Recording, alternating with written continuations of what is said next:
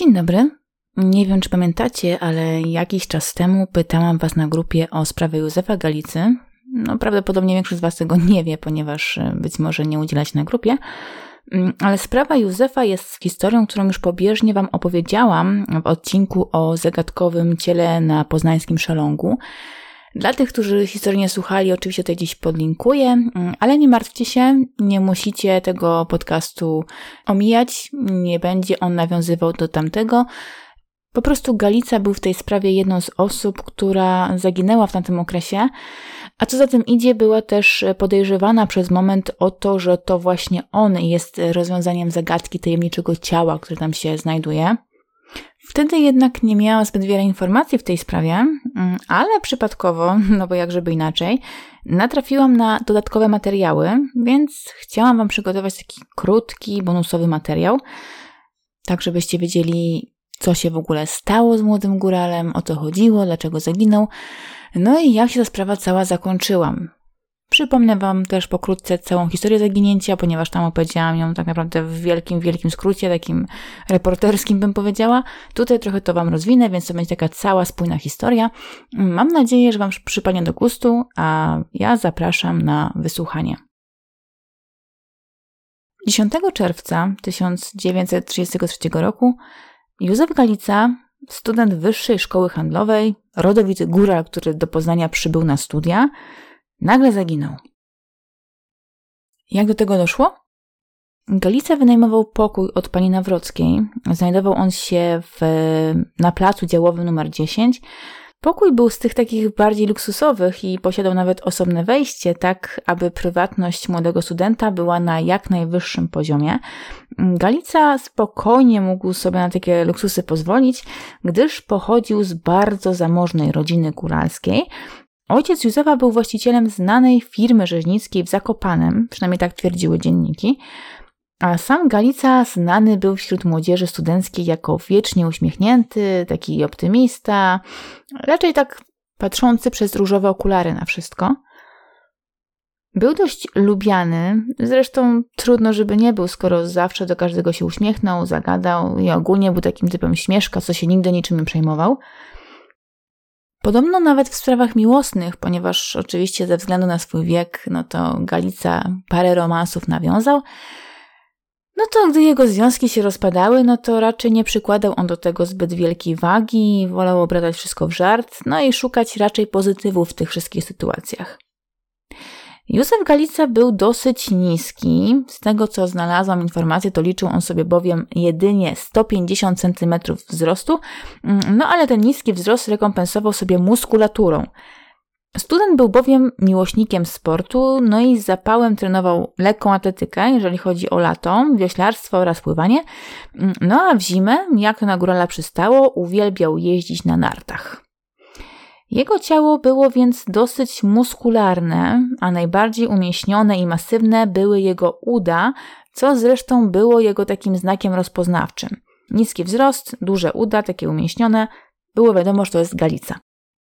Posiadał lekko pofalowane włosy, które według źródeł czesał na prawo, chociaż według innych źródeł i też na zdjęciu, które ja tam widziałam, no to raczej ma je zaczesane tak do tyłu, nie wiem, może po prostu raz czesał włosy tak, raz tak. W każdym razie dzienniki twierdziły, że były czesane na prawo, jeżeli ma to jakiekolwiek znaczenie.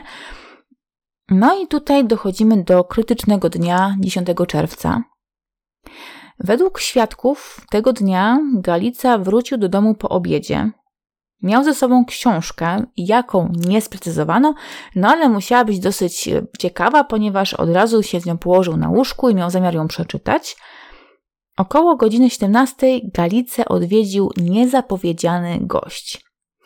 Według słów pani Nawrockiej, która słyszała strzępki rozmowy przez ścianę, mm, Galica miał być zdziwiony pojawieniem się zagadkowej postaci, ale nie było to zdziwienie zatroskane, a raczej takie radosne, wypowiedziane z uśmiechem. Nawrocka miała usłyszeć, jaki sublokator wypowiada wesoło jedno zdanie. Co, ty tutaj? We wcześniejszym podcaście mówiłam Wam, że nie wiadomo jakiej płci był tajemniczy przybysz. E, tutaj jednak prasa twierdziła, że był to mężczyzna, gdyż właśnie z mężczyzną Galica był widziany 10 czerwca, późnym popołudniem e, u fryzjera, czyli już po tej sytuacji, kiedy został odwiedzony przez kogoś w swoim e, pokoju. Wiadome jest również, że akurat tego dnia Józef miał przy sobie dosyć sporą ilość gotówki, co może być znaczące, jeżeli patrzymy, popatrzymy na to, że 10 mm, czerwca akurat Józef zaginął. Mógłby to być dobry motyw. Kilka dni po zaginięciu Galica miał się również zgłosić na obowiązkową służbę wojskową, jednak w koszarach się już nie pojawił. Początkowo sądzono nawet, że zdezerterował, chociaż kłóciło się to z jego charakterem oraz przygotowaniami, ponieważ Galica wszystkich naokoło, łącznie ze swoją y, sublokatorką, znaczy właścicielką mieszkania, przepraszam, oraz ze swoimi znajomymi na uczelni, informował, że właśnie wkrótce wyjedzie na ćwiczenia wojskowe. Panią Nawrocką nawet prosił, aby przetrzymała dla niego pokój, gdyż tak przyjemnie mu się w nim mieszka, że po powrocie chciałby móc znowu go wynająć, na co kobieta miała się bez żadnych oporów zgodzić, gdyż Galica był takim dosyć spokojnym, dobrym i zawsze płacącym na czas sublokatorem. Na nieszczęście Galicy jego zaginięcie zbiegało się w czasie z planowanym wyjazdem do wojska, przez co tak naprawdę początkowo nikt go nie szukał, bo owszem, no dziwiono się, że zniknął te parę dni wcześniej, no ale skoro miał niedługo i tak wyjechać, no to założono tak z góry, że najprawdopodobniej po prostu stwierdził, że ma do załatwienia jeszcze kilka innych spraw po drodze, więc opuścił Poznań, aby te kilka dni wcześniej znaleźć się w Bydgoszczy, bo to właśnie tam miała się odbyć jego służba wojskowa. I dopiero kiedy rodzina otrzymała zapytanie od żandarmerii o tą taką podejrzewaną dezercję Galicy, no to dopiero wtedy zaczęto zauważać, że coś tutaj jest nie tak. Jeżeli nie ma Galicy w Poznaniu, nie ma go w Bydgoszczy, no to gdzie on jest? Przecież nie przepadł jak kamień w wodę, prawda? No właśnie, ale niestety prawda. Do Poznania udała się siostra Józefa. Zgłosiła na sprawę na policję oraz podała dokładny opis swojego brata oraz jego ubioru. Według jej słów był to ciemny blondyn, oczy piwne, charakterystyczny nos, który był falisty i taki lekko przekrzywiony, zobaczycie zresztą na zdjęciu, ubrany najprawdopodobniej w gabardynowy płaszcz koloru beżowego, popielaty garnitur, zielony miękki kapelusz oraz ciężkie zakopiańskie pantofle – Niektóre dzienniki i czasopisma pozwoliły sobie nawet na przedruk zdjęcia młodego górala, o którym Wam właśnie mówiłam. Zamieszczę je Wam oczywiście w jak najlepszej jakości e, na grupie oraz na Instagramie. Mm, ale niestety, pomimo poszukiwań, pomimo tych zdjęć, pomimo naprawdę szerokiej skali e, poszukiwań, no to student po prostu przepadł, tak jak powiedziałam, jak kamień w wodę. Rodzina nie zamierzała się jednak poddawać i pomimo braku rezultatów w policyjnym śledztwie, Szukała swojego krewnego na własną rękę. Było to jednak dosyć trudne zadanie, gdyż w tamtym czasie przez Poznań przeszła wielka fala zaginięć. Zainteresowanych odsyłam tutaj do podcastu o Jajerowej. Tam mówiłam Wam o kilku przypadkach z tego okresu. Między innymi właśnie też o młodym Galicy, ponieważ rodzina była tak zesperowana, że podejrzewała, że być może właśnie ciało, które zostało odnalezione, może być ciałem ich krewnego ale niestety nie było. No i też przez kilka kolejnych miesięcy nie można było znaleźć żadnej informacji na temat Józefa. Mężczyzna po prostu rozpłynął się w powietrzu, tak jakby po prostu wyparował. Nie było żadnego śladu mówiącego o tym, co takiego mogło się stać z chłopakiem. Tak po prostu był i zniknął. Przełom nastąpił dopiero 8 miesięcy później, w lutym 1934 roku, w jednym z włazów burzowych, znajdującym się na plaży miejskiej, tuż obok łazienek, gdzieś przy Warcie, być może poznaniacy będą wiedzieli, co to jest za rejon, ja niestety nie wiem. Dokładniej precyzując, było to na ulicy Henryka Jordana. Tam też dwóch robotników dokonało makabrycznego odkrycia. Mądrzejewski i Maćkowiak, bo to o nich mowa, właśnie dokonywali rutynowej kontroli kanałów, tak zwanych burzowców, które odprowadzały wodę z miasta przy jakichś większych ulewach, czy tak jak nazwa wskazuje, właśnie przy burzach. Zwykle takie kontrole odbywały się jakoś co pół roku.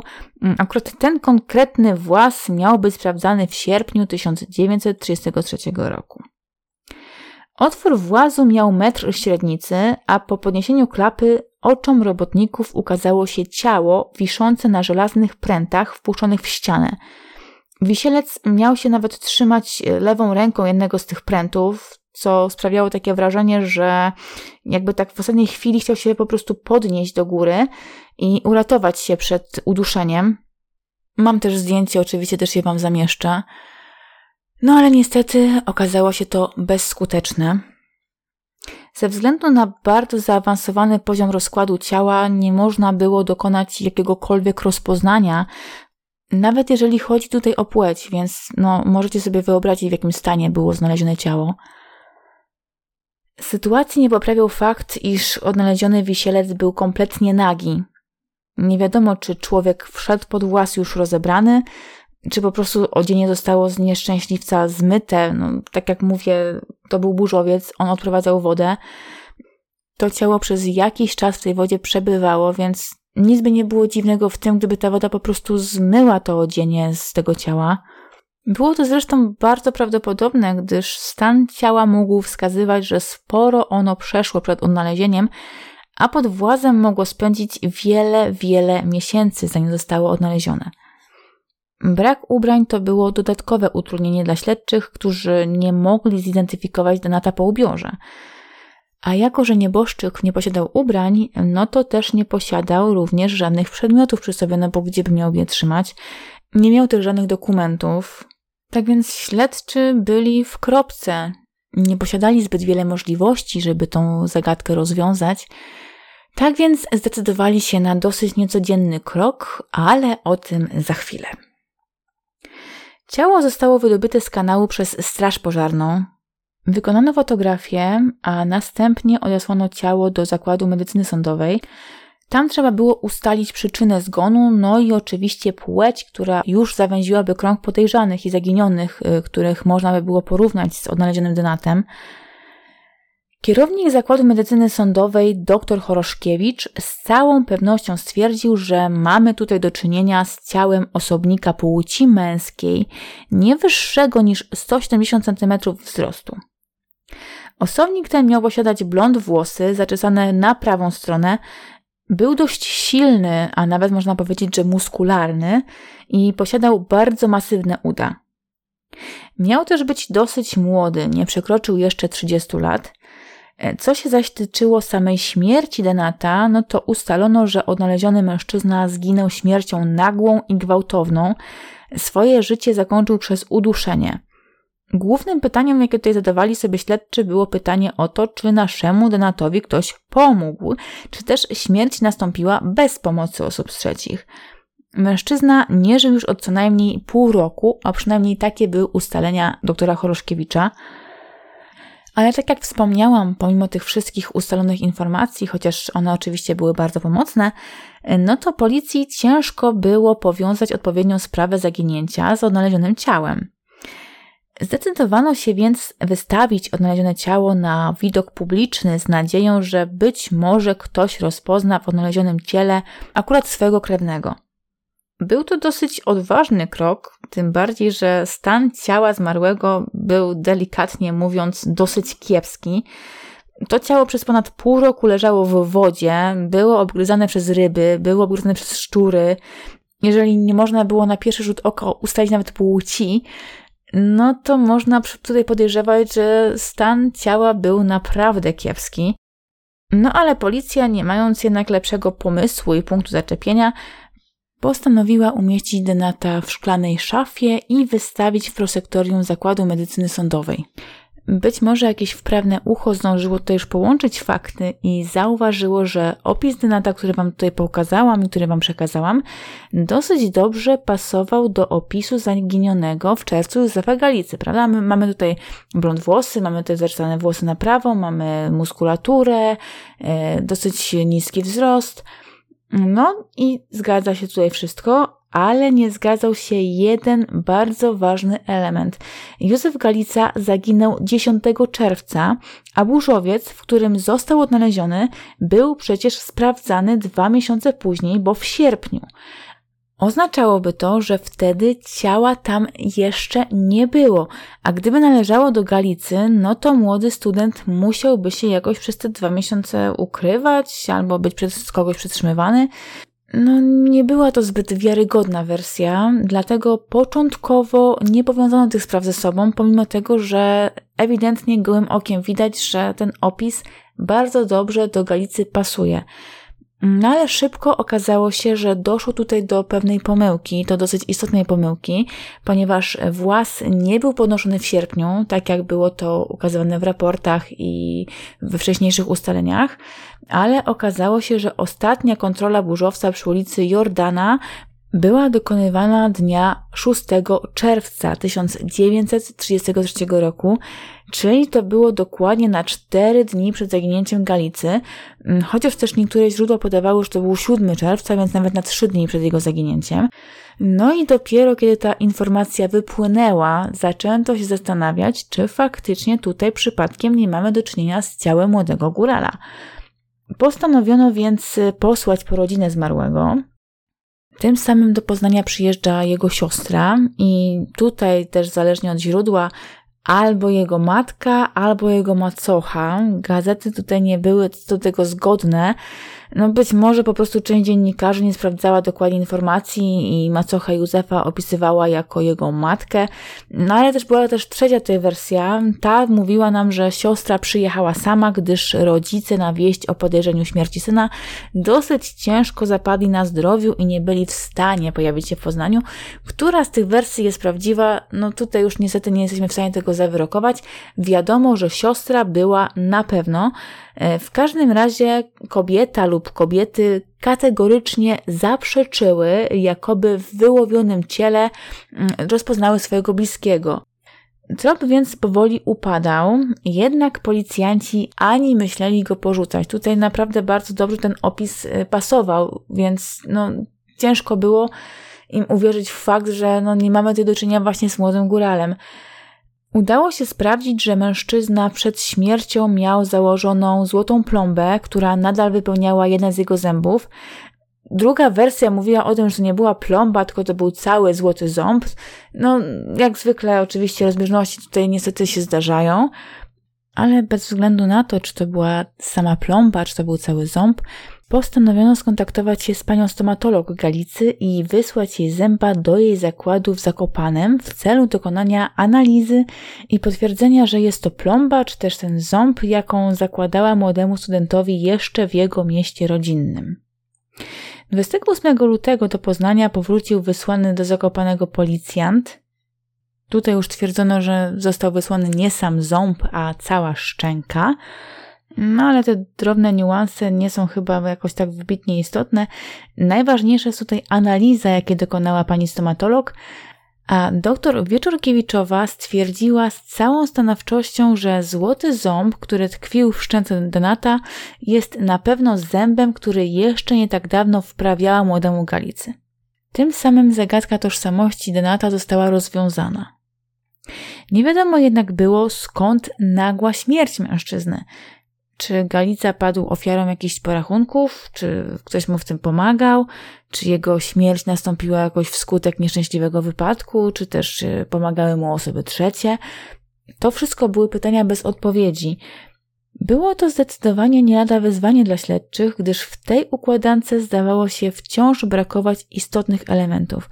Niby tutaj wszystko się układało w całość, ale zawsze tak jakby brakowało takiego malutkiego fragmentu, który skleiłby to wszystko w taką spójną e, historię.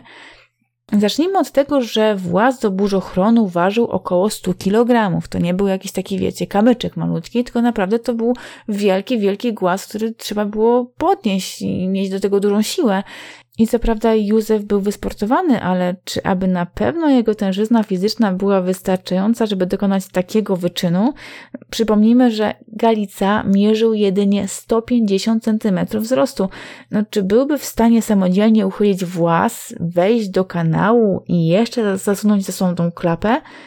Co prawda, moglibyśmy poznać odpowiedź na to pytanie, ponieważ policja pokusiła się na eksperyment i podczas wizji lokalnej, na którą de facto waliły tłumy, Sprawdziła, czy samotny mężczyzna mniej więcej o gabarytach Galicy byłby w stanie sam zamknąć się w kanale, jednak ze względu na dobro śledztwa te wyniki nie zostały podane do wiadomości publicznej, więc niestety nie jestem w stanie Wam przedstawić tego, co ta analiza dała i czy cokolwiek dała. A ponieważ policja zatrzymała dla siebie takie ważne ustalenia, no to oczywiście Poznań zaczął plotkować, no bo jak żeby inaczej, no jak jest zagadka, no też trzeba ją rozwiązać. Pojawiła się więc hipoteza, że Józef padł ofiarą tak zwanego amerykańskiego pojedynku. Na początku XX wieku w Polsce pojedynek ten był dosyć popularny, podobno. Polegał on na tym, iż o przegranej, no i zarówno śmierci przeciwników decyduje los – Przeciwnicy mieli na przykład ciągnąć zapałki, no i ten, który wyciągnął krótszą, e, osiągał porażkę. Jedną z kar, powiedzmy tak nazwijmy, w takim pojedynku było na przykład zgodzenie się na walkę rewolwerową z nienabitą bronią, co oczywiście zwiastowało rychłą śmierć. No ale zdarzały się też takie przypadki, że przegrany zgadzał się odebrać sobie życie. Poznań zaczął więc plotkować, że być może właśnie taki los spotkał górala. Za tą teorią przemawiał fakt pojawienia się tego tajemniczego gościa w pokoju Józefa. Przypomnijmy, że Józef spotkał się z pewną tajemniczą postacią tuż przed swoim zaginięciem. Co prawda, Galica zdawał się być zadowolony z wizyty, więc raczej nie był to ktoś, z kim byłby zwaśniony.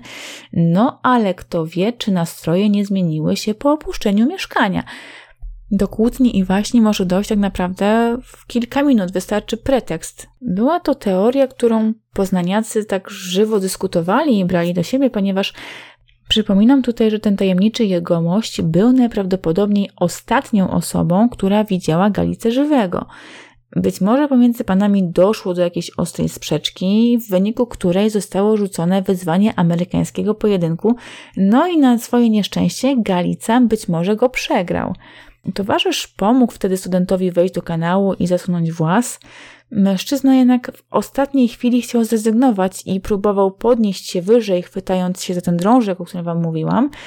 No jednak nie był w stanie tego dokonać, a co za tym idzie, niestety skonał w kanale. Tajemniczy gość Galicy nie został także nigdy ustalony, nigdy się nie zgłosił ani na policję, ani do gazety, tak więc tym bardziej ta teoria zdawała się mieć jakieś ręce i nogi, Policja jednak tak z bliżej nieokreślonych względów całkowicie odrzuciła tę teorię. Być może miała swoje powody, które nie były w prasie podane. Kolejnym motywem i wersją, jaka pojawiła się w śledztwie, był tak zwany motyw tajemniczej nieznajomej. Rzekomo Galica miał ostatnio zacieśnić relacje z jakąś podejrzaną kobietą, która znana była z licznych szantaży i wyłudzeń.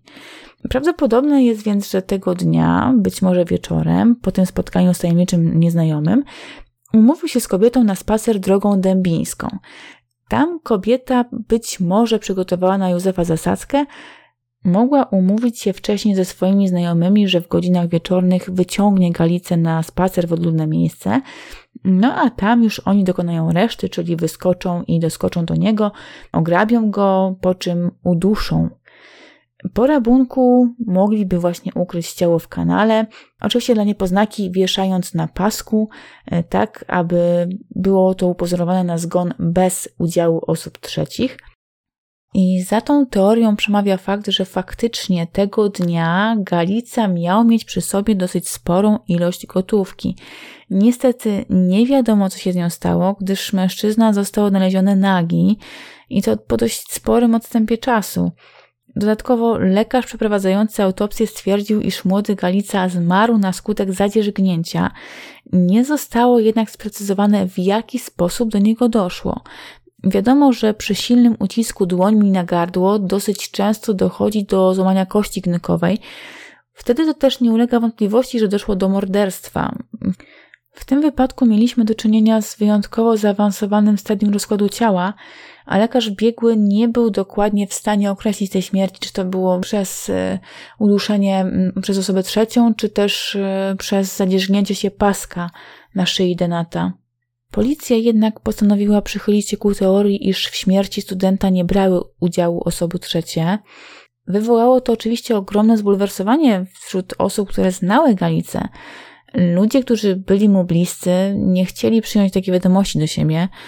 Według nich Józef wręcz zarażał humorem i optymizmem. Niemożliwe więc, by mógł tak nagle chociaż pomyśleć o tym, aby odebrać sobie życie. Niejaki pan W, który postanowił nie ujawniać swoich personaliów, był bliskim kolegą Galicy i oczywiście udzielił takiego mini wywiadu, można powiedzieć, prasie. Tam poopisywał swoją relację z Galicą, o tym, jak się panowie poznali, co tam robili, no i oczywiście, jaki był sam Józef. Mężczyźni mieli razem studiować, ale poznali się jeszcze przed studiami. Pan W podkreślił, że Galica był typem człowieka, który raczej nie przejmował się porażkami, wręcz przeciwnie, starał się zawsze patrzeć na pozytywy danej sytuacji, Miał być taki pogodny, uśmiechnięty, radować się każdą najmniejszą rzeczą. No i taki właśnie też był na kilka dni przed zaginięciem, kiedy to pan W widział go po raz ostatni. Nic się miało nie zmienić, nie było żadnego przygnębienia, nie było jakiejś zmiany w jego zachowaniu, więc według pana W z całą niemal pewnością należy stwierdzić, że ktoś musiał Galicy pomóc zejść z tego świata, bo sam by raczej tak nagle nie postanowił e, sobie tego życia zakończyć. Również pani Nawrocka, właścicielka mieszkania, w którym Galica wynajmował pokój, e, podkreślała, że mężczyzna czynił plany na przyszłość, zresztą z, nim, z nią o nich rozmawiał. Jak wspomniałam na wstępie, prosił ją na przykład o przetrzymanie dla niego pokoju. E, rozmawiał też z nią o jego ćwiczeniach wojskowych, na które się wybierał. Mówił też o tym, że ma zamiar wrócić do Poznania na dalsze studia po tych ćwiczeniach. Tak więc według pani e, Nawrockiej nic, kompletnie nic nie wskazywało na to, że Galica ma zamiar pożegnać się z tym światem. W tę wersję nie wierzą również e, oczywiście bliscy Galicy, jego rodzina, ale też nie wierzą nawet niektórzy dziennikarze, którzy wręcz apelowali na łamach swojej prasy i w swoich artykułach do śledczych. Prosili o to, aby zbadali każdy możliwy trop, i tutaj powoływali się na sprawę Ogrodowskiego, w której, jak się okazało, nic nie było takie oczywiste, jak się zdawało na początku. Zresztą podlinkuję Wam tę sprawę, być może jeszcze jej nie słuchaliście albo jej nie znacie, więc zachęcam. To była naprawdę bardzo zagmatwana sprawa i okazało się, że faktycznie nic nie było takie oczywiste, jak się wydawało na samym początku. No, ale niestety wszystkie te apele pozostały bez odezwu, mm, a sprawa pozostała zamknięta. A co wy myślicie o tej sprawie? Jaki los spotkał studenta? Może macie jakąś własną teorię, o której to wam nie powiedziałam, a którą chcielibyście się podzielić w komentarzu?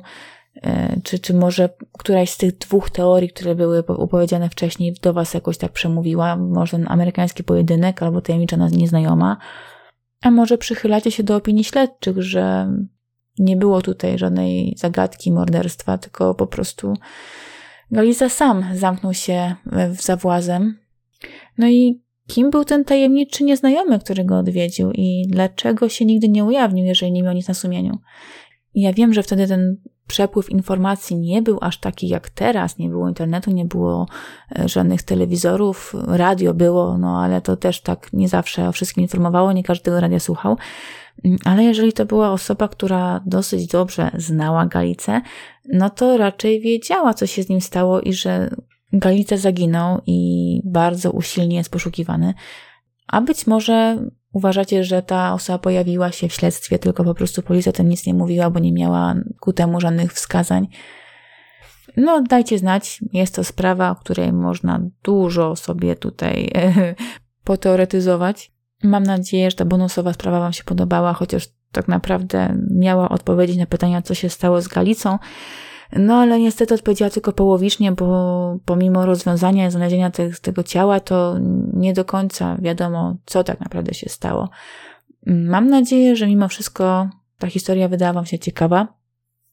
Standardowo bardzo dziękuję Wam za wysłuchanie. Zapraszam na Instagram, zapraszam na grupę facebookową. Tam jak zwykle wkleję zdjęcia. Oczywiście mogą być trochę opóźnione, no bo z czasem to u mnie niestety jest różnie, to nie ja go planuję ale na pewno będą, na pewno się pojawią, tak więc zapraszam. I mam nadzieję, że słyszymy się niedługo. Trzymajcie się ciepło i zdrowo. Pa!